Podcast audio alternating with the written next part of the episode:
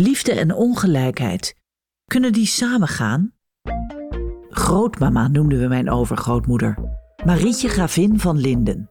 Ze woonde op kasteel Ter Hoge op Walcheren. Ze had een man, vijf kinderen en minstens zoveel personeel. Zette grootmama zelf wel eens een kopje thee?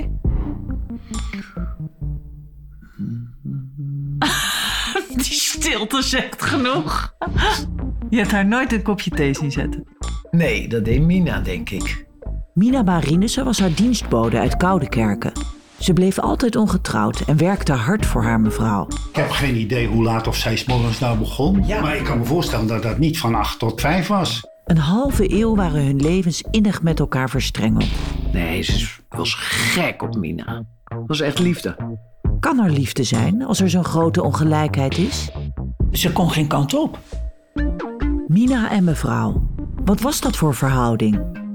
En wat gaven zij ons mee over wat je als vrouw kunt zijn? Als je het hebt over emancipatie en een vent van je afslaan, dan denk ik, jeetje, man, wat een stoer wijf gewoon. Mijn naam is Maartje Duin en dit is Mina en mevrouw.